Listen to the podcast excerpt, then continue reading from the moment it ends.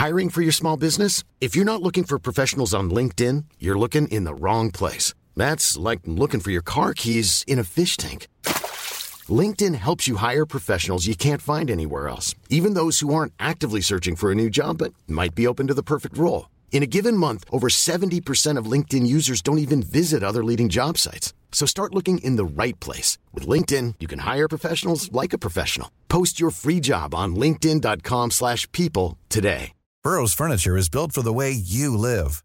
From ensuring easy assembly and disassembly to honoring highly requested new colors for their award-winning seating, they always have their customers in mind. Their modular seating is made out of durable materials to last and grow with you. And with Burrow, you always get fast, free shipping.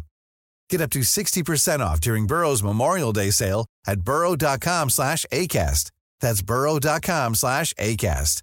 burrow.com slash ACAST. Nesten Høylund, og så er det stang inn, og så har dansken også skåret Paul Trafford! Over 11 timer uten skåring i Premier League, og Manchester United har snudd det!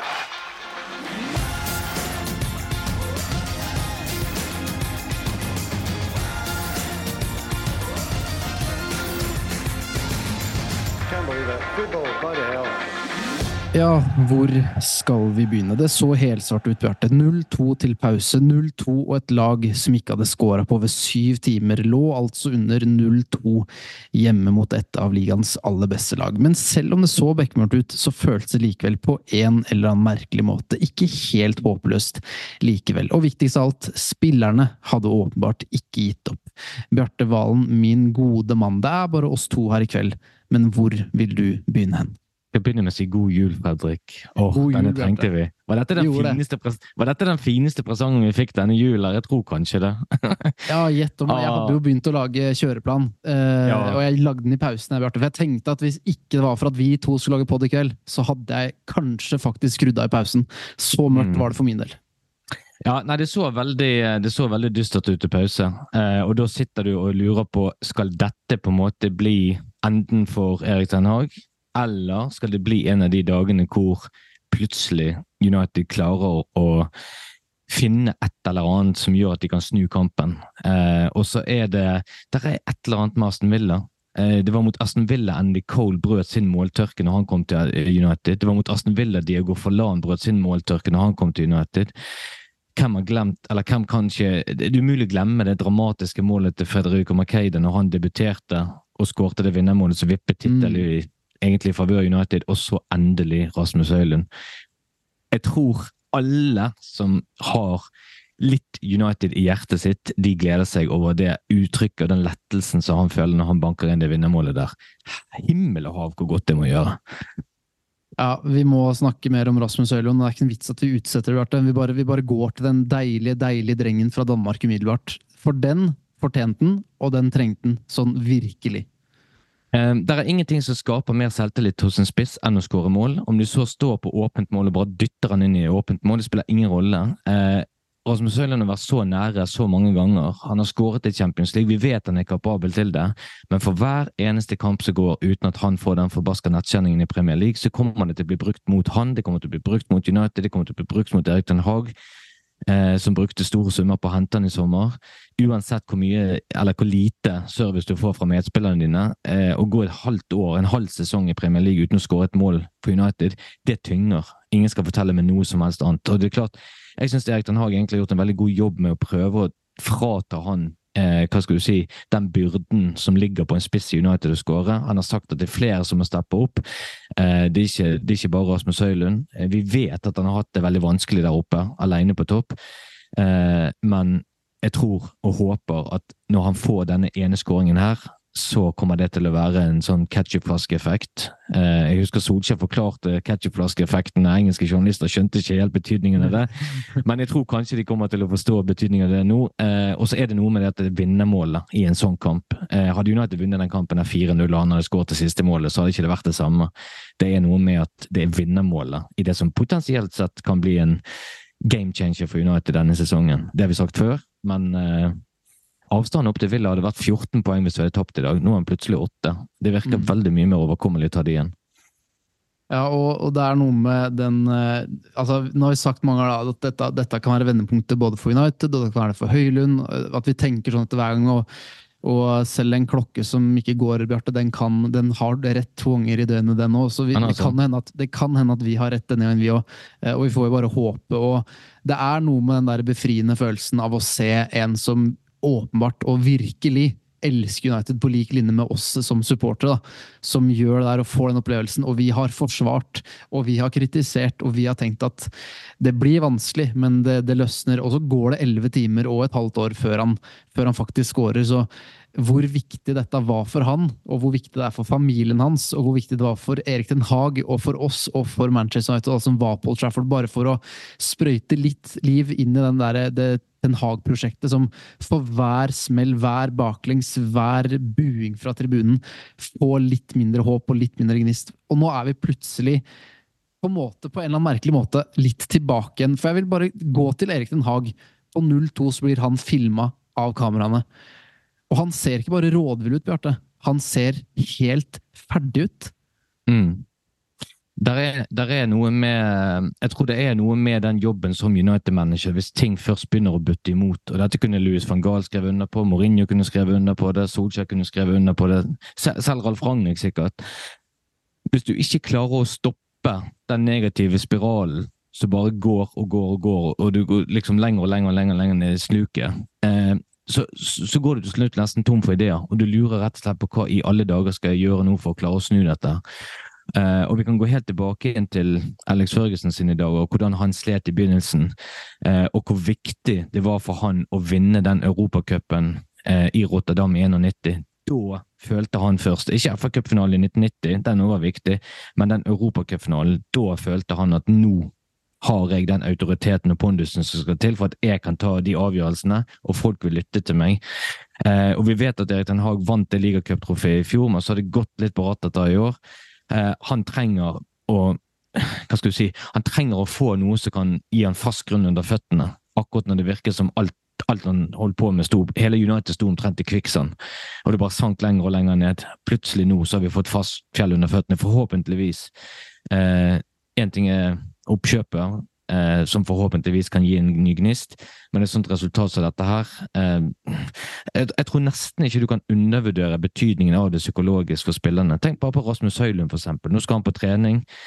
Eh, han kommer til å gå med et ekstra spenst i steget. Han kommer liksom eh, Medspillerne kommer til å gå bort til han og fleipe litt med det skåringen. Han kommer til å være lykkelig, han kommer til å være lettende, han kommer til å være glad. Alt, alt, kommer til å gå så mye lettere for han. Og hvis han, Spesielt hvis han skårer f.eks. mot Nottingham Forest òg, så kan du tenke nå er han i gang. Endelig er han mm. i gang. Nå må vi bare sørge for å gi han den eh, si, eh, ja, gi, gi, han, eh, gi han pasningene, gi han støtten, så kommer han til å skåre. Vi har snakka om at han ikke har blitt servert i stor nok grad. og Så har man etter hvert sett en litt trend til at han ikke er like påskrudd. Eh, litt mer rådvill i altså litt manglende løp, litt færre løp inn i boks. Slår fortsatt ut med armene når ballen ikke kommer, men når ballen også kommer i det rommet vi forventer han skal være, så har han jo heller ikke vært der. Og jeg synes Det du snakker om det psykologiske her, det er veldig viktig. fordi det vil jo også være naturlig at det kommer til punkt for United-spilleren hvor også tenker at er han her egentlig kapabel til å skåre? På samme mm. måte så kan vi også snakke sånn at Den Hag. Ja, vi så hva vi fikk til i fjor, men, men nå går det ikke lenger. Eller, eller, går det? Er han fortsatt rett mann, eller har han mista det? Hva, hva, skjer? Så er det to psykologiske ting eh, knytta opp mot to enkeltpersoner da, som er så vanvittig viktige, og som det er umulig å egentlig forklare betydningen av. Jeg, Jon Martin og Eivind har jo snakka kanskje til det kjedsommelige i den podkasten her om hva vi ønsker rundt Erik Nag. Skal han få bli? Skal han uh, få sparken? Men en helt annen ting er jo hva vi tror. Du har ikke fått et spørsmål like ofte, Bjarte. Hvor står du? Og det er jo to separate spørsmål her. Hva ønsker du, og hva tror du? Jeg håper at han får tid. Jeg, jeg, eh, jeg, tror det vil være lurt. Jeg tror det vil være lurt av Inios å komme inn, puste med magen og rett og slett danne seg et inntrykk når de har sett liksom hele det gigantiske isfjellet som Manchester United egentlig er eh, rett og slett snakke med spillere, snakke med trenerne, snakke med, snakke med folk, vite hva som er eh, situasjonen. Rett og slett ikke ta noen overilte beslutninger og tenke det at vi må ha en ny manager inn, fordi da skal han ha januarvinduet. Bare egentlig nesten glem det januarvinduet, for United har ikke noe særlig penger å handle for likevel, med mindre vi selger noen. Så jeg, jeg tror egentlig at det argumentet med at vi bytter manager nå, for da får han januarvinduet til å endre stallen, eh, nei, det, det, det, kjøper jeg ikke helt. Jeg tror ikke det er nøkkel. Jeg tror nøkkel rett og slett vil være å gi Erik Den Haag tid, gi han ut sesongen. Vi vet det at det har vært enormt med skadeproblemer. og du kunne se Det var jo egentlig en veldig bra førsteelver som var ute for United mot Westham. Eh, det manglet bare en keeper der, så kunne du ha tatt hele listen si, fra, fra eh, forsvar og frem til midtbane og angrep. Eh, det var et helt lag som manglet. Jeg tror fremdeles Erik Den Haag kan være mannen for United, til tross for at det har gått på rattata. Og jeg må si, hvis Louis van Gaal, Mourinho eller Solskjær hadde hatt en lignende resultatrekke som det Ten Hag har hatt, så tror de hadde vært ferdig. Så jeg tror United ser noe med Ten Hag som gjør at de kvier seg veldig for å gi han sparken. Kanskje finnes det ikke et alternativ per nå som er åpenbart. Eh, det kan være en medvirkende årsak. Eh, men personlig så både tror og håper jeg at han kommer til å få mer tid. Og hvis han klarer å snu denne trenden her, og hvis han klarer å ta United til Champions League neste sesong f.eks., så tror United som gruppe, som lag, som tropp vil komme veldig styrket ut av det. Eh, men vi skal ikke stikke under en store. vi er fremdeles et lite stykke unna den eh, topp fire. Så eh, det har vært en terningkast så langt, eh, sesong så langt til terningkast eh, ja, et sted mellom to og tre. Ja, noe sånt. Ja, jeg, jeg, det, det, var skuffende. Ja. Hvis du legger til Champions League og tidlig exit i ligacupen, mm. så er det terningkast to. Dette er langt under det som vi kan forvente av United. Um, men jeg håper og jeg tror at Erik Den Haag får fortsette, i alle fall inntil United skulle tape så mange kamper at det blir en slags middelhavsvar på tabellen. Da, da, tror jeg ikke det er noen vei tilbake igjen. Men um, sånne kamper som dette viser jo det at han har fremdeles Spillerne har en slags indre selvjustis, pluss at de har et eller annet med manageren som gjør at de, de fortsetter å kjempe. Eh, ja, for det er, det er, ingenting her, for det er ingenting her, Bjarte, som tyder på at det er en spillergruppe som har gitt opp manageren sin. Uh, og, og jeg, jeg, forstår veldig godt at det er en splitta fanskar her nå. Jeg skjønner mm. at folk er lei, og jeg skjønner at folk er sånn som meg, som fortsatt håper og tror at det er mulig, og i likhet med deg også. Mm.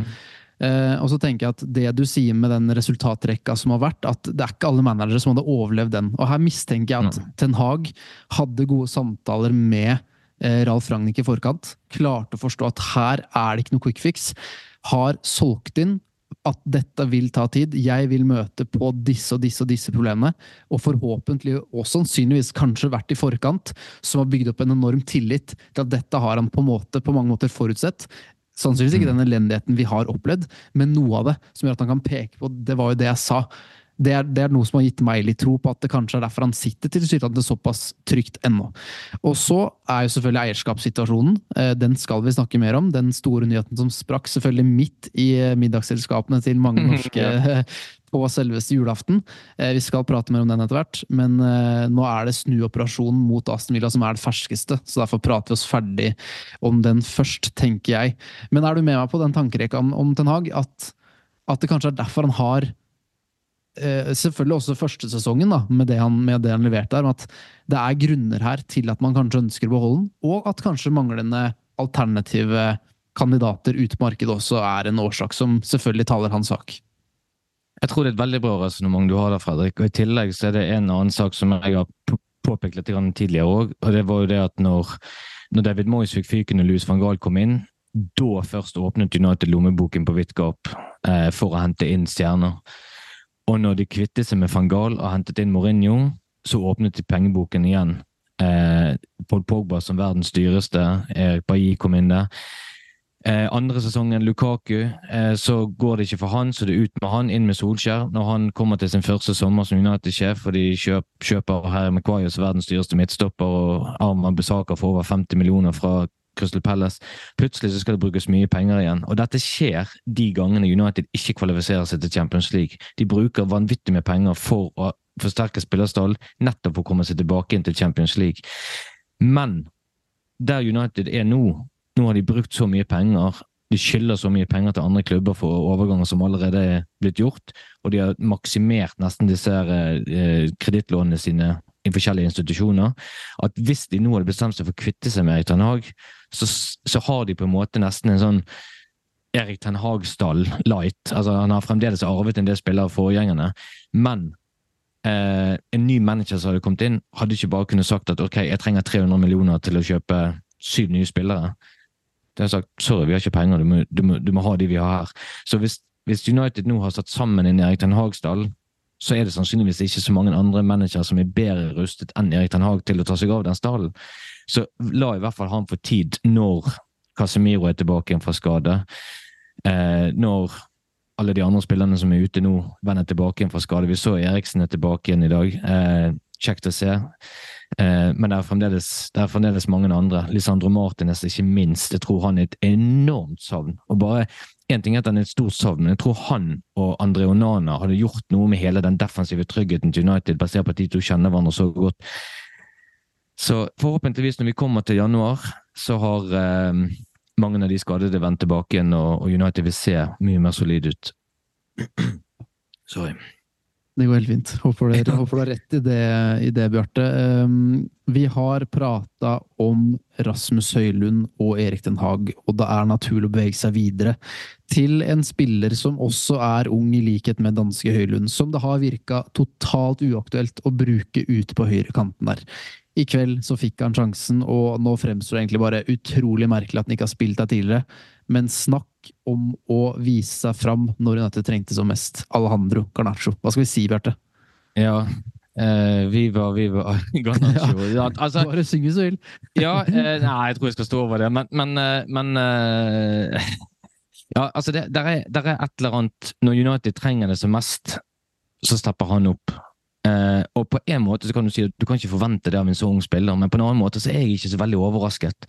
Han har noe med seg som gjør at han er kapabel til å gjøre disse tingene. Så kan han til tider i enkelte kamper forsvinne litt, grann. Eh, men det er en grunn til at han har fått så mye tillit under Erik Ten Hag. Eh, og så Jeg følger litt grann Erik Ten Haag på det prosjektet, eller på den taktikken som han gjør i dag. Han prøver noe litt nytt. Han sier jo det før kampen òg. Vi prøver noe nytt rett og slett en liten sånn storlek, holdt jeg på å si. Alle bytter en plass nesten. Men, men, vi vet at Rashford er et mye bedre alternativ på venstresiden enn på høyresiden. Vi har, vi har nesten gitt opp det prosjektet med, med, med Rashford på høyresiden, i tradisjonell forstand. Eh, men kanskje, kanskje det kan være en posisjon for, eh, for eh, Garnaccio. Eh, akkurat nå så, så virker i hvert fall han som en Det er litt tynt å si på bakgrunn av én kamp, men, men eh, det er noe med han og dynamikken i United som vi mangler med eller som vi får med Garnaccio, som vi mangler med Anthony, syns jeg. Mm. Eh, og, og, ja, jeg tror, jeg tror ikke det er siste gangen vi ser Garnaccio på høyresiden, for å si det sånn. Nei, det ville vært merkelig om de, om de slutta det prøveprosjektet der nå. fordi Det som tok meg litt på senga, var på en måte at altså For å starte med Garnaccio, da, for han er en spiller som er så uredd, og som er så Altså, han er så uredd at det også kan gjøre meg litt gal, fordi han er så Han, han prøver på alt og, og, har på en måte ingen begrensninger i hodet sitt for hva han selv er kapabel til, da, virker det som. Og det er jo veldig Mm. positivt veldig mange, i veldig mange tilfeller. Og så er det nok litt frustrerende i tilfeller der han burde servert framfor å gå sjøl. Det jeg tenkte at han startet på høyre, var at ja, endelig skal vi nå ha han som går ned til krittet og prøver å serve og servere Rasmus Høylund. For det er jo det han har i stor grad mangla, med to kanter som Mm. vil gå innover og gjøre det sjøl. Men noe av det Garnaccio kanskje var best på eh, i kampen mot AC Milan, var også det å vandre. Han trakk inn i banen, vandra en hel masse, trakk seg inn og skøyt med venstre. Eh, Mm. Skåra litt heldig, riktignok, med den som går via, men, men han var og fikk spilt på styrkene sine likevel. da. Det var noe av Mm. det jeg kanskje frykta, og det jeg kanskje tenker at Erik Ten har lagt til grunn for hvorfor han ikke vil prøve Garnaccio ut til høyre. Men uh, etter det jeg så i kveld, og ja da, det er bare én kamp, men jeg ser ingen grunner til at ikke han skal fortsette å spille der. Uh, og da kan vi også snakke om at uh, Rashford det var, det var variabelt, men det var også mye av det han har vist og vært så god på tidligere, syns jeg. Mm. Og så er det noe, jeg synes Nøkkelordet egentlig med Ganaccio kontra Anthony på høyresiden er uforutsigbarhet i positiv Mm. forstand. Han gir United noe som gjør at det blir mye vanskeligere for Villa å forsvare seg mot. Eh, og det er, lett, det er lett selvfølgelig å sitte her og, og rose hele greiene opp i skyene der, fordi at vi, vi snudde 0-2 til 3-2, eh, men eh, der, der er et eller annet med den spilleren Alejandro Gonacho som begeistrer meg, og det, det går helt tilbake til jeg så han på U18 og United vant FA Youth Cup. Eh, hvordan han jeg, jeg, sa det den gangen der at det var to spillere fra det laget som var klar, som garantert nesten kom til å bli førstelagsspillere på United, eller i hvert fall være en del av førstelagstroppen. og Det var han, og det var Kobi Mainu. Eh, og ikke så veldig overrasket over at Ganacho er kommet litt lenger, Manu i, i så, så, en scene, men Manu kommer nå for, alle, for alt det er verdt, holdt jeg. Han er, han er en fantastisk talent. Han har egentlig det aller, aller meste. Gi han litt mer erfaring, så kommer de rette valgene. Um, og Det er ganske mange unge spillere på United nå som begynner å utmerke seg, og det må jo være musikk i uh, Jim Ratcliffe sine ører. Og, og, og Kobi Maino, da, som uh, har den opplevelsen han har på, på London Stadium og, og blir satt i ganske mange kinkige situasjoner underveis eh, mot Aston Villa. Med, mm. det, det, er ikke så at spillerne har mista tilliten din, for de, de spiller han opp i trange situasjoner med en sprettende lompe eller sprettende altfor hard pasning. Men han løser det. Selv om det er med nød og neppe flere ganger, så viser det noe hvilke kvaliteter hvilken ro han selv har. Da. Og det at han reiser seg så mesterlig eh, er ikke sånn at han er så synlig og dominant i alt han gjør, men gjør likevel veldig mye konstruktivt med kula. Det sier også noe om det hodet han har. da så jeg synes mm. jeg man fikk egentlig perfekt respons etter den opplevelsen han hadde. Eh, og som jeg og Jon Martin også snakket om, at den er han fullstendig tilgitt allerede det skjer. For det visste de skulle komme. Men mm. det var responsen man var spent på, og den responsen vil jeg si var akkurat som jeg hadde drømt om. 100 enig. Veldig bra søkt. Um, stemmer det, Bjarte? Um, vi har diskutert litt dommerfag og sånne ting tidligere. Du uh, var også engasjert etter Liverpool-kampen, men stemmer det at du i tillegg til å ha dømt litt fotball, også har stått litt keeper? Det er korrekt. Ja, da, skal vi, da, skal vi, noen år tilbake inn i tid, men eh, ja, jeg er reservekeeper i uh, fjerdedivisjon. var så langt jeg kom. ja. ja. Men det er, det er, høyt nok, det. Ikke jeg, helt store karrieren å slå i bordet, men det kom jeg faktisk uh, lenger på linjen som, som assistentdommer, eller linjedommer som det het i gamle dager. Ikke sant. For en mann. Linjemann, reservekeeper i fjerdediv, full kontroll på økonomi, gode betraktninger rundt United. Hva er det du ikke kan, Bjarte? Ja, sikkert ganske mye. Fall hvis du spør min fru. Jeg er ingen okay. DIY-mann. ja, men Derfor spør vi ikke fruene i kveld. Men Nei. Eh, ok, For det starta, det starta uh, vanvittig mørkt. Og ja, det var, det var, to dødballer, men dødballer er fotball, det. òg. der så United helt fullstendig sjanseløse ut. Mm. Og Der tenker jeg også at det er naturlig å diskutere Selvfølgelig, Han får ikke noe hjelp Onana, av, eh, av de bak der, men du som tidligere reservekeeper i fjerde div, hva, hva vil du si om scoring nummer én og nummer to? Eh, et generelt problem for eh, Onana, for å bruke et godt gammelt Ralf Ragnhild-uttrykk, jeg syns han av og til er litt for lite proaktiv. Eh, baller som kommer inn i feltet, han blir sånn og venter for lenge, istedenfor å være litt mer aggressiv. Eh, og så syns jeg av og til òg at United eh, faller litt for dypt med forsvarsleddet. Det blir for lite mm. rom mm. mellom forsvaret og keeper, slik at hvis ballen passerer bakerste forsvarsledd, så kommer han veldig tett på Onana. Eh, samtidig så var det jo en grunn til at det var veldig sjelden du så at eh, verken Peter Schmeichel eller Edvin van der Sar havnet i de samme situasjonene. Mm. Kanskje én gang, eller en gang innimellom, men ikke som en sånn regelmessig greie. Mm. Og Det handlet jo kanskje litt om at de var, de var litt mer sånn eh, hva skal jeg si, Mentaliteten var, deres var liksom angrip ballen, ikke reager på det som skjer. Eh, og akkurat der har Onana en liten akilleshæl. Vi, har sett det, vi så det eh, i Champions League et par ganger òg, hvor han var uheldig. Ikke minst uh, var det vel borte mot uh, Galatasaray, var ikke det? Hvor han hadde to, ja, to mm. frispark eller to situasjoner der som, mm. som sniker seg inn. men, men jeg syns det er litt galt å bare korsfeste han der òg, fordi at der er noe med hvor United på en måte setter sistelinjen sin. Jeg syns, jeg syns flere ganger at de har falt litt for dypt. Eh, kanskje i dag er det litt vanskelig å stå så veldig mye høyere, for det, kommer fra en sånn lumsk vinkel. Men det er jo ingen tvil om at den eh, skåringen fra McInn som går rett inn der, eh, det er et innøvd frispark på en eller annen måte, hvor de plasserer en spiller bevisst i offside for å skape mm. frustrasjon og, eh, og forvirring hos United. Og vi, vi, faller for det trekket der egentlig ganske lett, men den, den kommer rett ifra treningsfeltet. Innøvd trekk, garantert. Mm.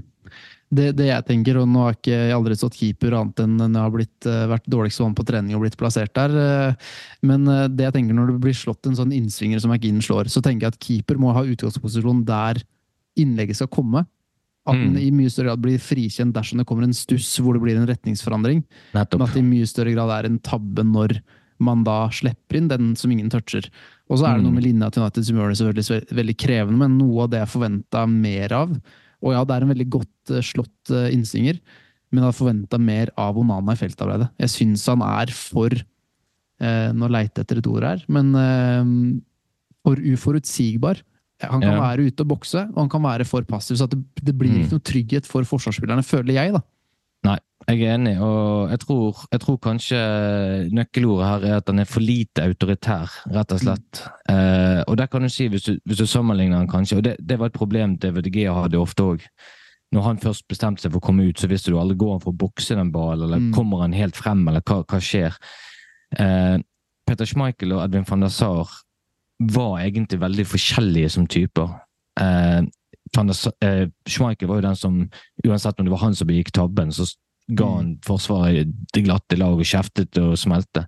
Van der Sar var mye mer lead by the example, holdt jeg på å si. Var mye mer Hva skal du si eh, han, var, han var ikke den kjeftesmellen på samme måte som Schmeichel, Mm. men du verden. Jeg har møtt han et par ganger eh, face to face og intervjuet han to ganger. Den mannen utstråler en sånn autoritet altså at du blir nesten litt forfjamset og redd når du skal snakke til han nesten, fordi Mm. at han bare sitter øynene rett i deg og liksom Mm. Ok, nå har du min oppmerksomhet. sant? Altså, Mm. Snakk til meg, still meg et klokt spørsmål nå, liksom. sant? Eh, han har en sånn naturlig autoritet, og akkurat den naturlige autoriteten der savner jeg litt hos eh, Onana. Jeg er litt enig med deg. Det var én ting som jeg hadde kanskje trodd at han hadde litt mer med seg, men ok. Vanskelig første halvår for Schmeichel i Premier League òg. Vanskelig første sesong for DG i Premier League òg. Van der Sar hadde Premier League-erfaring fra Fulham, så han visste mer hva det gikk i. Eh, nå har André Onana eh, hatt snart halve sesongen i United. Eh, vi får gi han litt mer tid før vi på en måte feller en endelig dom, men eh, jeg syns òg i enkelte kamper at eh, han, han er kanskje av og til faktisk en bedre keeper på streken enn det jeg trodde. Jeg, eh, jeg trodde enkelte ganger at han kom til å slite enda mer enn det han har gjort der. Mm. Så han har bra reaksjonsevne. Det, det er keepermaterialet med han, men han må bli vant til Premier League, rett og slett. Mm. Og vi må heller ikke glemme at han er blant de som troner øverst når vi ser på statistikken over flest redninger denne sesongen her. Og, Det og det var vel på 2-1 eh, til Aston Villa ganske tidlig etter reduserende United, da, sånn at han også har en feberredning fra Leon Bailey som gjør at United Nettopp. faktisk eh, får de tre poengene. Så Nettopp. det er ikke helt svart, men det er lov, igjen, da, og det er uheldig, så stilles det spørsmålstegn ved keeperspillet, og det er noe verken Van der United trenger, da. Um. Men, fra Men så, så kan du eh, òg si, bare for å skyte inn veldig kjapt der Mm. òg, eh, mot Westham så hadde vel han sitt tiende ulykke stoppapar foran seg denne sesongen, tror jeg det var. mm, Eh, og det er utrolig vanskelig for en keeper å vite hvordan du skal opptre. holdt jeg på å si, sant? Der hadde Mm. du den der troika med Schmeichel, Brus, Pellester lenge, sant? og så kom Johnsen Stam sant? i trebbelsesongen. At han, han visste hva han skulle forholde seg til. Det samme med van der Sar, med, eh, med Rio Ferdinand og, og eh, Nemanja Vidic foran seg. Hvis du Mm. har en sånn keeper, to faste backer som du har sesong etter sesong, så er det greit. Hvis du bytter stopper på ti ganger i løpet av en sesong, en halv sesong, ja, da blir det vanskelig å skape den relasjonen. Selvfølgelig, og dette går jo igjen eh, med hele sesongen. At det er så mange faktorer som spiller inn på alt vi snakker om. Når vi snakker om Ten Hag, når vi snakker om laget som helhet, når vi snakker om den eller den eller han eller han, så er det ting som spiller inn her som er helt relevant og som må belyses for å kunne klare på en måte forstå eller diskutere på rettferdig grunnlag. Og det gjelder også til, eh, Onana når du snakker om at ti stoppekonstellasjoner eh, så langt denne sesongen. Det hjelper selvfølgelig ikke. Um, en annen det er mye følelser i, eh, og som også er autoritær. Vi kan ta med et innspill fra Christer. Bruno han må på sinnemestringskurs. Fyren sutrer, kjefter og smeller og pådrar seg utallig unødvendig kort. Men det er ikke bare negative ting med Bruno, Bjarte. Eh, For kapteinen vår spiller også en positiv rolle, gjør han ikke det? Jo, han gjør så. Eh, og det, det er veldig mange Altså, når det bikker over i at han kjefter på seg gule kort, så syns jeg der har kanskje en Bruno Altså, vi må huske på at regler har endret seg litt. Det er blitt strengere og strengere. Akkurat det med å kjefte på dommerne og, og hva skal du si, få gule kort for sånne dumme ting, det er en uvane som man må prøve å lære fra seg. Men samtidig så er det noe med det at hvis det ligger naturlig for han holdt på å si, å ha Hvis du skal sitte en tvangstrøye på spillere, at de på en måte ikke får være sin naturlige jeg, så blir det veldig vanskelig. Eh, hvor mange er det som går ut og kritiserer Roy Keane for at han ble utvist var det 13 ganger for Manchester United eller noe sånt? Eh, Og mange av de røde kortene der, de var unødvendige. De Enten det var albuer i trynet eller stygge taklinger i knehøyde, si, som pappa Haaland fikk erfare. Og, Mm. altså det, det var mye rart den gangen der, men da, var det på en måte en større aksept for det. Men det var liksom sånn, mm, han er litt tøff, litt sånn over the top. Men ok, han var en, han var en ledertype som var knalltøff, ja. Eh, men jeg ser òg i Bruno en type som er veldig han, han vil det beste for seg sjøl, han vil Mm. det beste for laget. Og så går det en sånn balanse hvor han av og til bikker over en sånn grense hvor det blir litt for mye sånn ut med armene og sutre, og kroppsspråket hjelper ikke. Eh, men jeg tenker at det går det an å justere uten at det nødvendigvis går utover prestasjonen hans. Mm. Jeg syns fremdeles han er en god kaptein for United, eh, og jeg ser ikke helt hvem som skulle vært den naturlige kapteinen hvis ikke han var der. Mm. Um, men at det er en og annen unote, ja, kanskje. Men, men han har vist at han er en jeg vil si den, kanskje den beste signeringen United har gjort post Alex Ferguson, hvis du ser liksom på eh, statusen hans, holdt jeg på å si, altså på hva han kan Hvis du tar vekk skåringen hans på straffespark, så er han likevel en midtbanespiller som egentlig er ganske målfarlig. Eh, både på dødball, eh, avslutningsferdigheter generelt sett. Eh, han, er en, han er en veldig god spiller, og i dag så er en av de som virkelig drar lasset i andre omgang og, og, og sørger for at United snur kampen. Utvilsomt. Eh, Vi har, noen, eh, vi har fått masse spørsmål og innspill på Instagram. Bare tar noen av de nå, Bjarte. Mm. Eh, Magnus skriver 'brekt rygg etter 25 minutter, så leverer vi dette'. For en gjeng. Ten Hag alle dager i uka, skriver han.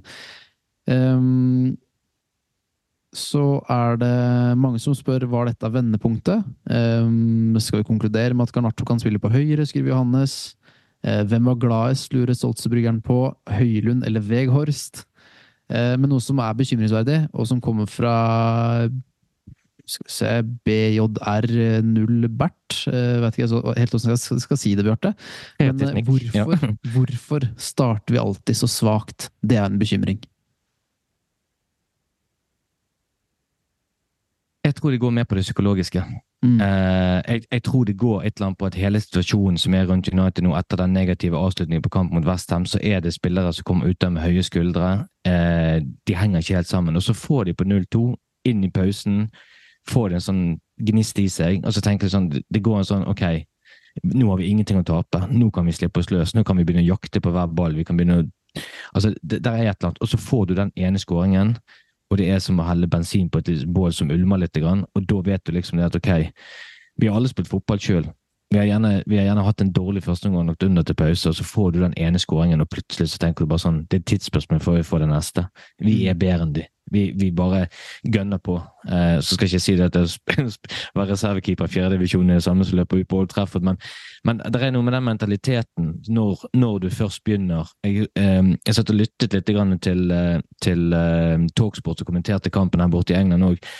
Eh, og en av kommentatorene der sa, og det syns jeg er veldig godt oppsummert, det er et eller annet i DNA-et til Manchester United at når de havner under, og det ser så mørkest ut, og så får de den ene skåringen, da er det noe som skjer. Da er det Mm. noe som Det betyr noe at du har den eh, United-badgen på, på drakten. Det betyr Mm. noe at du representerer noe som historisk sett bare er sånn at det er liksom comeback, comeback, comeback. Det har skjedd så mange ganger før. Vi kan klare dette fremdeles. Eh, og så trenger du litt tursus, og du var inne på den redningen til Onano, men eh, det er en utfordring for Erik Ten Hag å få laget ut fra startblokken i, i, i 100, og ikke at du skal havne bakpå hele tiden. Men hadde ikke vi en i sesongen til Solskjær der, hvor mange ganger var det ikke vi lå under der og snudde? Eh, lurer på om Mm. ikke det var den sesongen vi, eh, vi gikk en hel sesong uten å tape en eneste bortekamp. Stemmer. Eh, vi lå, lå vi under ti ganger den sesongen der, eh, men snudde og snudde og snudde, snudde gang på gang på gang. Mm. Så eh, ja. Eh, Det går på det mentale, først og fremst, tror jeg. Jeg tror ikke det er et utgangsposisjon til United er feil, eller noe sånt. Det går rett og slett på at det er litt høye skuldre ute og går. Mm. Um, men da, da kan du så det på, på altså, Du kan ta flipsiden. er jo det at Hvorfor ikke bare dure på fra start? Tenk om du får Mm. den tidlige skåringen. Så kan du senke skuldrene. Så kan du spille med 80 minutter med å prøve å ha det gøy istedenfor å spille med Mm. hjertet i halsen liksom, Mm. Uh, så lenge som de må gjøre. Mm. Noen flere innspill. Eh, André skriver ikke et spørsmål, men fytti katta.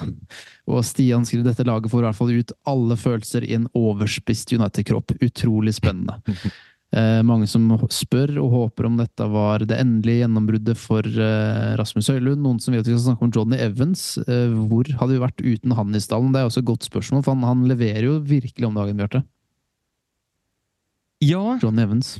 Nå skal jeg ta en sånn dag-greie og si jeg elsker Johnny Evans. Nei, men altså, når, han, når han kom til Manchester United i sommer, så tror jeg de aller fleste av oss satt og liksom trakk deg på skulderen og tenkte at ja, ja, ok, han er, han er grei å ha i tilfelle det blir krise, i tilfelle vi må bytte litt på laget i ligacup og vi får skade på et par stopper, liksom, sånn men han kommer jo ikke til å spille mye. Men han kan være viktig å ha for garderoben og alt dette. Det var sånn de fleste av oss så for, for oss hvordan det skulle bli. Og så ender vi opp i en situasjon der McQuay er skadet, Lindeløf er skadet, Martinez er skadet, Varan var ute en liten stund. Luke Shaw, som skulle kunne kommet inn og vært en reservestopper, må spille venstreback fordi Taril Malasha er skadet, eller Diogo Dalot er suspendert og kan ikke gå over på venstresiden fordi at han Aron Van Besaka må spille på høyre, altså, eller han har vært ute med skade. Eh, og så har John Evans kommet inn, og så vet jo han mer enn noen andre hva det vil si å spille for Manchester United, det, det, det presset som ligger der. Og det, det, det er jo en helt annen situasjon for han å være i klubben nå enn sist han var der. Eh, helt andre spillere. Det er knapt noen spillere igjen, og det er vel ingen igjen fra den når han var der.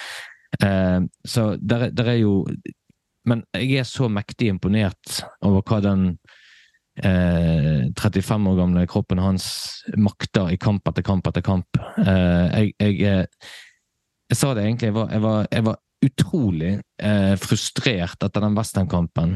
Fordi at egentlig så leverer United en defensiv, bunnsolid kamp helt til det får 0-1, og så kommer det 0-2 rett etterpå. og Så mm. sitter du igjen med et inntrykk av at dette var drita dårlig. Men hvis United bare hadde tatt ledelsen før pause med den kjempesjansen til Granaccio, eller vi hadde vært litt bedre fremover på banen, så hadde vi heller snakket om hvor utrolig bra defensive vi var. Um, jeg syns Johnny Evans har vært egentlig levert langt over det du kunne forvente av han.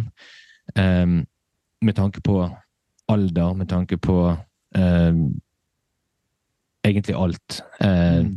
Takk og pris for at han kom til United, for uten han så hadde det vært uh, Det hadde vært krise på stoppeplass nå, altså. Bjarte, en av ulempene med å sitte på hjemmekontor og gjennomføre dette, er at jeg ikke har tatt meg råd til å kjøpe sånn premiumabonnement på Zoom så jeg er nødt til å legge på med deg nå, og så skal jeg ringe deg opp igjen, og da skal du få muligheten til å runde av kampen før vi tar eierskapet. Er du klar for at jeg ringer deg opp om Gi meg, gi meg 45 sekunder, da, så er jeg tilbake. Det høres ut som en plan. I just love United. Der er vi tilbake, Bjarte. Det blei litt mer enn de eh, forhåndsannonserte 45 sekundene, men heldigvis er du en tålmodig mann. Um, og det jeg lovte, var at du skulle få muligheten til å si noe mer om kampen om du hadde noe mer på hjertet. Ellers så går vi bare rett til uh, nyheten. Uh, nei, hva skal man si? Jeg er egentlig bare utrolig lettet og glad. Uh, ser at Rasmus Høylund sjøl har sagt at han er sannsynligvis den lykkeligste mannen på jordkloden omtrent i dag. Og, Deilig. Ja, lett, lettelse var vel egentlig det man ser i ansiktsuttrykket hans. Uh, ja, det er så mye lettere eh, for oss og for United-fansen nå å ta fatt Jeg går på til å si på en ny uke, vi er jo midt i uken, men, mm. men eh, ta, fatt, ta, fatt, på rom, den andre delen av romjula, for å si det sånn, mm. med, med, en 3-2-seier der. Det, det er nå kan vi på en måte lende oss litt tilbake og se hva som skjer med de andre topplagene. Om det er noen av de som skusler bort poeng. Eh, Champions League-toget er ikke gått helt ennå, men eh, det tutes på perrongen, og vi må, eh, vi må komme oss inn på toget fortere enn svint hvis vi skal være med. Det er helt korrekt. Eh, men eh, Bjarte, ok. Vi, vi, går videre. Vi legger eh, Villakampen bak oss. Og så spoler vi litt tilbake. For det sprakk en ganske stor nyhet. Den største på veldig veldig mange Og hvis det piper i baken her, så var det oppvaskmaskinen min. Bare beklager det. Men det sprakk den største nyheten på kanskje, kanskje siden overtakelsen av Glazer-familien, kanskje. Er det riktig å si, Bjarte, at det var den største nyheten på siden 2005 som sprakk på selveste julaften, eller bommer jeg grovt da? Nei, hvis du snakker om selve, selve situasjonen rundt eierskapet av Manchester United, så vil jeg si at det er, det er den største nyheten, hvis du tenker på eh, hva man har på en måte visst om kom til å komme på forhånd. Eh, en annen kjempestor nyhet som jeg tror for, gikk folk hus forbi når det skjedde, det var jo den eh, børslanseringen av Manchester United i 2012 når United ble delt opp i A-aksjer og B-aksjer. Mm. Eh, jeg tror ikke det var så mange som egentlig tenkte over hva det hadde å si, men det som ble resultatet av det, har vi jo sett i årene etterpå, hvor Gleisers da kunne satt på disse ti eh, aksjene, B-aksjene sine, som gir eh, ti stemmer per aksje, og solgt unna og gjort det om til A-aksjer, slik at de har kunnet melket sakte, men sikkert store gevinster ut fra sin eierandel i United, og da eh, satt igjen med en veldig stor personlig gevinst og likevel beholdt kontroll i United. Det vil nok være en sånn greie som jeg tror veldig mange vil se på som en sånn eh, slide indoors moment for Glazer. Da fikk de på en måte full kontroll over United, men hvis du snakker om hva som på en måte har vært mest annonsert på forhånd og på en måte skapt størst forventning eller størst publisitet, så er dette det største som har skjedd siden overtakelsen i, i 2005. Mm. Og hvor var du, og hva drev du med da den eh, pressemeldingen kom klokka 17.00 norsk tid, 16.00 der du bor, Bjarte? Hvor var du, og hva drev du med? Eh, jeg sto og holdt på med pinnekjøtt, eh, og eh, vi har eh, brukbare kilder som eh, ja, vi, vi, visste om hva som var på vei til å skje rett før det skjedde. Eh, mm. Så jeg var i kontakt med ansvarlig redaktør Dag Langerød for å høre rett og slett har vi kontroll. Og det er sånn, det tror jeg. Eh, for vi hadde jo skrevet eh, en del stoff som var klart, klargjort litt på forhånd. Mm. Eh, blant annet en, en lengre sak som jeg skrev hvorfor det endte opp med å bli Sir Jim og ikke Sheikh Yasim. Mm. Eh, det høres ut som starten på et dårlig limerick, men det er bare tilfeldig at de rimer. Eh, men eh, jeg syns egentlig vi, vi, vi, klarte å svare på veldig mye av det som var naturlig å stille seg spørsmål med rundt hele eierskapssituasjonen og overtagelsen. Og så må jeg si når den pressemeldingen kom, så leste jeg den og lot pinnekjøttet få lov til å putre litt i bakgrunnen. Og så tenkte jeg at her er det jo egentlig veldig lite nytt. Vi kjente til det aller, aller meste av dette fra før, med ett lite unntak, og det er navnet på det firmaet som Jim Ratcliffe skal bruke til oppkjøpet, og ikke minst det at han eh, eh, ikke tar opp lån for å kjøpe den aksjeposten i United. Og det er jo utelukkende positivt for United, for det eller så kunne hun plassert mer gjeld i United, sånn som Gleisers gjorde i teorien. Men eh, veldig lite nytt, egentlig, det som kom frem der. Det er mange som er delte. Det, det er mye negativitet å spore blant enkelte, og så er det mange som ser på dette som en sånn utelukkende gladnyhet. De som syns det her er negativt, og som peker på at Glazers fortsatt er inne, og spør seg da hvor stor makt og innflytelse vil egentlig sir Jim Ratcliffe og gjengen få. Har du et budskap til de som på en måte ikke ser på det som en gladnyhet, og, og ser du på dette som en gladnyhet for Manchester United sin del? Uh, jeg uh, Jeg kan gå tilbake igjen til første gangen Jim Ratcliffe bekreftet at han var interessert i å kjøpe opp Manchester United. Uh, og da skrev jeg da skrev jeg en kommentar som skrev at han er det nærmeste du vil komme en perfekt eier for United den gangen så var det under den forutsetning at han kjøpte hele United, og ikke bare mm. en fjerdedel av klubben, sånn som nå. Men eh, jeg mener likevel, og jeg står for det som jeg sa, at han er en veldig god mann å ha inn. Eh, mye av grunnen til det er at han kommer med en kompetanse holdt jeg på å si, fra, fra eh, både fra det å bygge organisasjoner altså Glem det at han er styrtrik og alt dette greiene her, men han kommer fra en kultur der det å bygge eh, hva skal vi si, struktur i store organisasjoner, det er hans store forse. Og han er flink til å ha med seg de rette folkene rundt seg. Eh, om det så er et kjemikaliefirma eller er et oljefirma eller hva det nå han har, han har tatt over som har vært skakkjørt, så har han stort sett alltid klart å få de på rett kjøl igjen. Det kan bety at det ryker en del jobber i Manchester United som han mener vil være overflødig. Det kan bety at det kommer en kjempestor endring i strukturen i måten det sportslige apparatet United er organisert på. Det kan komme en kjempestor eh, endring i måten United eh, scouter eller jobber med nettverket på. Jeg vet ikke. Det, det vil tiden vise. Jeg tror ikke han heller selv er 100% sikker på det. Det er akkurat det de bruker tiden på nå, frem til overtakelsen blir eh, godkjent av Premier League. Eh, men nøkkelordet her, tror jeg nå, er Vi skal huske på to ting. Jim Ratcliffe får ikke kontroll over Manchester United med 25% men han får kontroll over den sportslige delen av Manchester United. Så han får kontroll over fotballklubben Manchester United. Det er jo den egentlig vi bryr oss om. Selve Manchester United Public Limited Company, altså PLC-delen, eh, det er stort sett bare meg og noen, noen andre som jobber i finansverdenen som egentlig er interessert i. Men, men uh, han trenger tid. Uh, vi ser nå senest i var det i dag det kom en nyhet, eller var det i går, eh, om at, eh, at eh, han blir rådet til at kanskje det å rive Old Trafford vil, vil være det beste. Bygge en helt ny stadion. Eh, vi har sett, vi har sett en organisasjon som han antageligvis da mener er for svulstig, for stor. Eh, og så skulle du ha fått dette tapet her mot Villa på toppen av det hele. liksom, Så det er liksom bare nesten sånn at ok, riv Old Trafford, spark halvparten av de som jobber i United, eh, laget taper. altså Det er veldig krevende tid å komme inn i Manchester United på.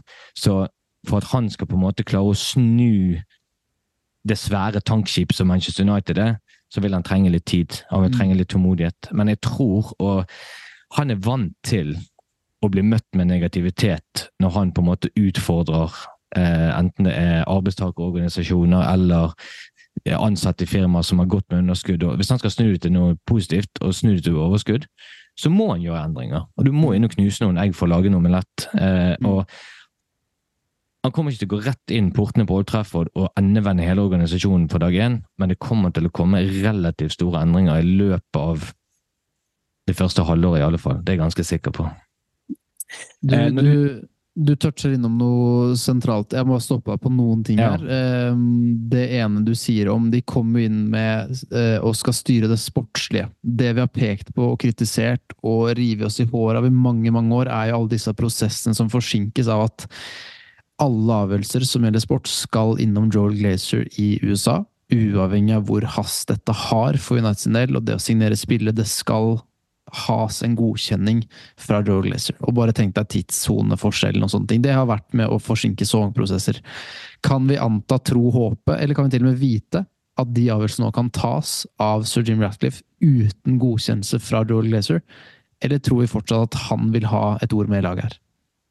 Eh, det, har vært, eh, det har jo vært snakket om at det kommer til å bli en sånn eh, egen liten mini-transferkomité med Joel Glacier, eh, Jim Ratcliffe og så var det vel eh, David Bridesford så var de tre som var liksom nevnt å være med der. Om det blir de tre eller hva, det vet jeg ikke, men eh, altså det er jo tross alt Manchester United sine penger som skal brukes hvis de skal ut og kjøpe spillere. Så på en eller annen måte så må man få en forståelse, enten med at eh, Joel Gleicher eller Avram Gleicher, eller at, at, at det signeres en eller annen fullmakt eller eh, carte blanche-fullmakt til Jim Ratcliffe og Ineos, at de kan innenfor en viss sum Sånn at ikke de går ut og bruker uhorvelig mye penger som de ikke har. altså Det ville jo han aldri gjort. Han er fornuftig sånn sett. Men eh, akkurat hvordan den fordelingen der kommer til å bli, det er jeg litt usikker på. Og det tror jeg vi, vi vet ikke foreløpig, men jeg vil tro det på sikt så vil de ha ganske frie tøyler til å kunne styre det som går på det rent sportslige. Deriblant sparke og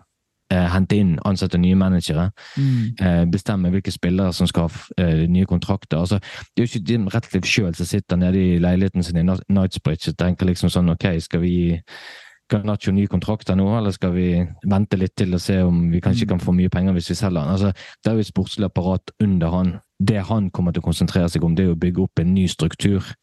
Eh, men så vet vi òg fra hans andre organisasjoner tidligere, han er veldig glad i å ha kort vei fra eh, hva du skulle si eh, de som jobber ut grunnlaget bak en beslutningsprosess, og opp til toppen.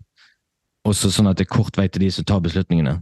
Og det tror jeg egentlig at han er veldig klar for å få inn i Manchester United òg. Og det som du sier, det må jo ha vært ufattelig frustrerende når United føler at de nesten har napp på en eller annen stor fisk, Mm. og så skal de sitte og vente i lang tid på at når kommer svaret fra Joe Glacier, og når kommer ditt, og når kommer datt. Så kan vi bare si det at rett etter at eh, kampen mot eh, Aston Villa ble ferdig, så eh, sendte New York-børsen ut en større børsmelding, en såkalt SEC-filing, og der er overtagelsen av de 25% aksjene beskrevet i ganske eh, mye detaljer. Eh, Det dokumentet er på nesten 100 000 ord. Det er på 250 av fire sider. Jeg rakk bare å skumlese overskriftene. Det skal jeg bruke litt mer tid på de nærmeste dagene og se litt mer. Men der kan det hende at det ligger noen svar på noen av de spørsmålene som kommer.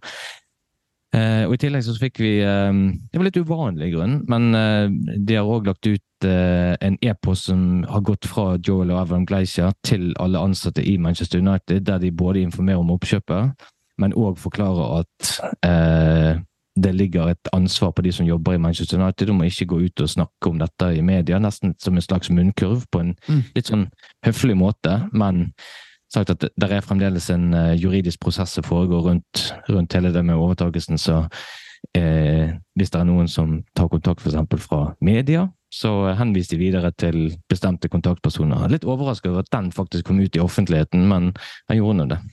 Riktig, riktig. Ehm, ja, for det er mange spørsmål som skal besvares, og kanskje, når du rekker mer enn å bare skumlese overskriften, Bjarte, så har du kanskje flere svar til oss, du, da. Så da, vi holder ikke pusten, men vi kjenner deg rett, så kommer det noen oppklaringer fra, fra London-kontoret ditt i nærmeste framtid. Forhåpentligvis. Ja.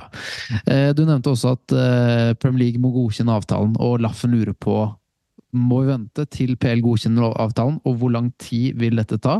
Og en ting jeg lurer på, eh, må Ratcliffe faktisk vente til Premier League godkjenner avtalen, eller kan han på en måte allerede, selvfølgelig, uten at noen vet, allerede begynne å komme med ting som Eller er dette strengt, strengt, strengt forbudt, og en risiko han ikke ville tatt? Hvis du skjønner spørsmålet? Ja, jeg kjenner spørsmålet veldig godt. Bare for å svare på- det første først. Eh, Seks til åtte uker er den vanlige tidshorisonten når man snakker om eh, eh, å få godkjennelse fra Premier League. Eh, sånn sett så kan du si at vi kommer til å bevege oss forbi januarvinduet før de kan ta noen formelle eh, avgjørelser.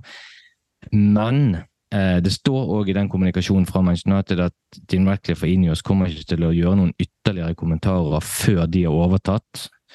Eh, og det, det, det tror jeg på, men hvis det er plutselig noen eh, endringer i sportslig ledelse, eller det er en spiller som plutselig blir tilgjengelig, eller et eller annet skjer som gjør at det er naturlig at de har på en måte Dette er åpenbart at vi ville gjort hvis vi hadde vært tre uker lenger frem i prosessen, så, så tipper jeg det at eh, Jim Ratcliffe og Glaciers har brukt nå ganske mange måneder på å finne en dialog så jeg tror ikke at den slutter her og nå. Snarere tvert imot. Jeg tror den bare vil være eh, sterkere og bedre i tiden som kommer. Og selv om ikke Jim Ratcliffe kan være den som signerer på avtale på vegne av United, så tror jeg nok at de vil snakke sammen i, i uh, ukene som kommer, selv om ikke han formelt overtar uh, ansvaret for det sportslige helt ennå.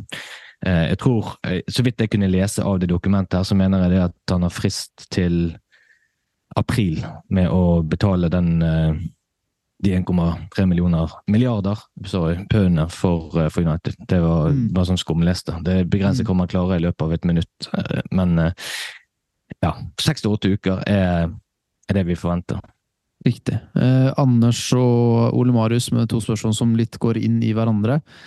Eh, hvor fort kan Ineos påvirke ting i klubben, med kjøp, salg, direktør osv., og, så videre, og hvilke endringer kan vi komme til å se med Ratcliffe i løpet av denne sesongen? Det blir veldig hypotetisk og teoretisk dette her, Bjarte, men det er lov å tenke høyt der. Eh, ja, altså Han kan jo egentlig ikke gjøre noen formelle endringer før han har overtatt. Eh, så hvis det kommer noen endringer, så vil det på en måte være eh, de facto Gleiser som gjør de. Eh, selv om det kanskje kan være Enios og Jim Ratcliffe som ligger bak og pusher. Eh, de store endringene altså i spillermaterialet eh, Jeg tror først og fremst at Jim Ratcliffe vil sette foten ned kanskje for den type avtaler som du ser når spillere som Edinson Cavani, Cristiano Ronaldo, Zlatan Ibrahimovic kommer til United. Store navn, for all del, og de gjorde en bra innsats for United. Men å betale vanvittig høye lønninger for spillere som er passert godt over 30 år, det tror jeg eh, er noe av det som han vil til livs. Og heller bruke pengene på unge spillere som blir en fornuftig investering på sikt.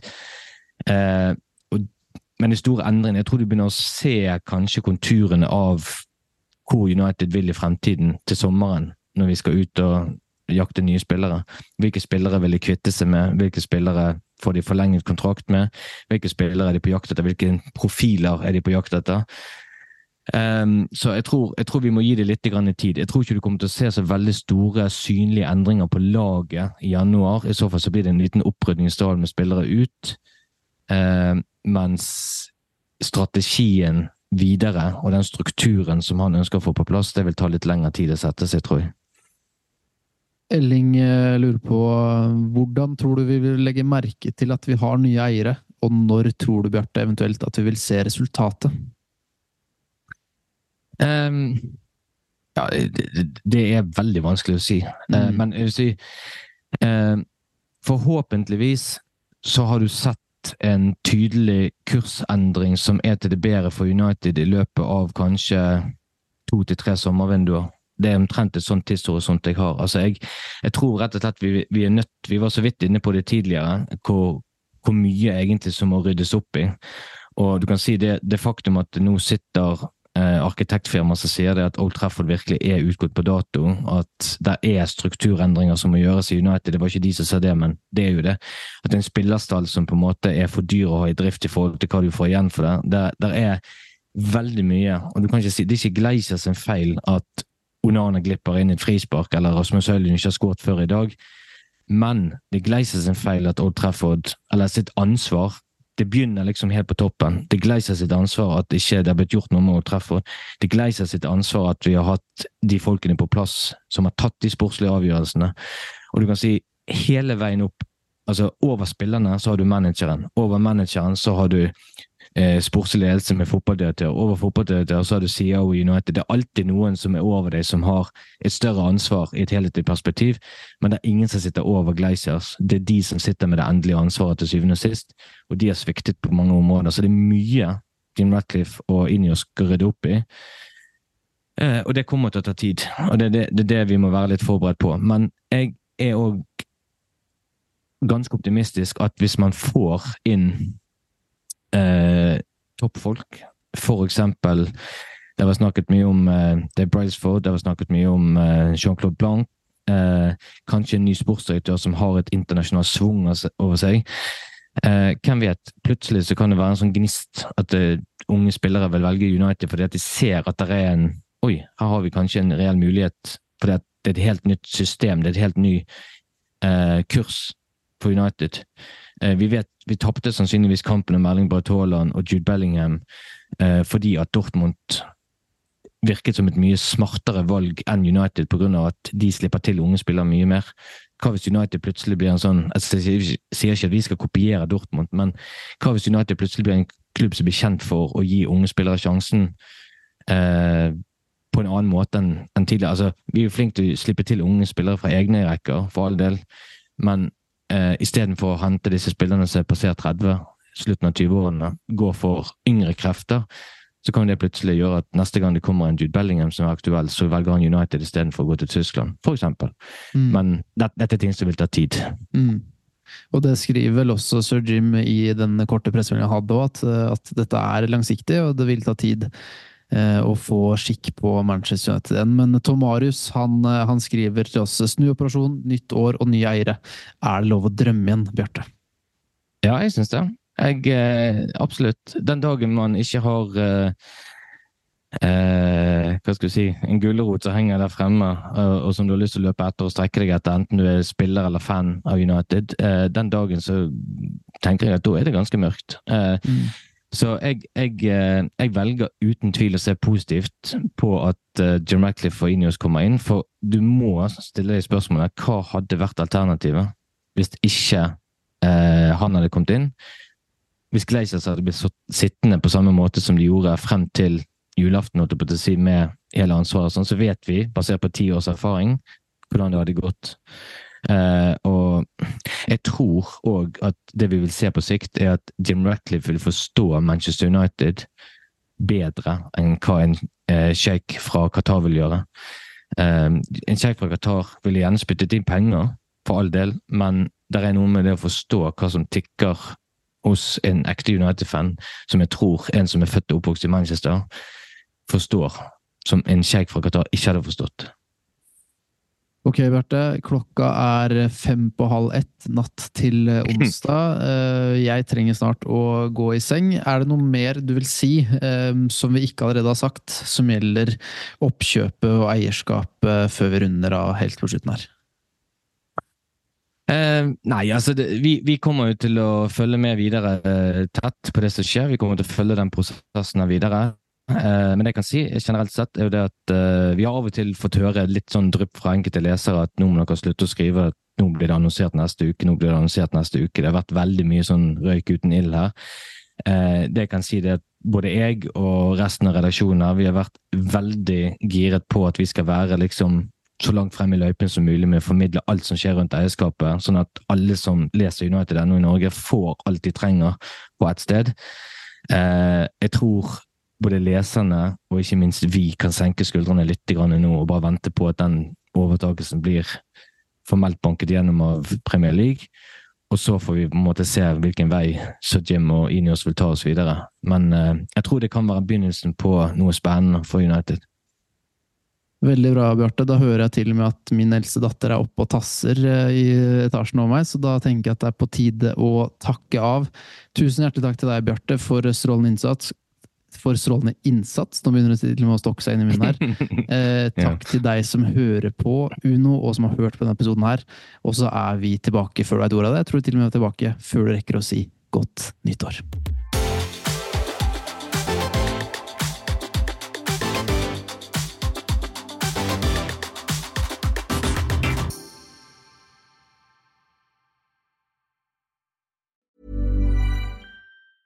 Planning for your next trip? Elevate your travel style with Quince. Quince has all the jet setting essentials you'll want for your next getaway, like European linen, premium luggage options, buttery soft Italian leather bags, and so much more. And is all priced at 50 to 80% less than similar brands. Plus, Quince only works with factories that use safe and ethical manufacturing practices.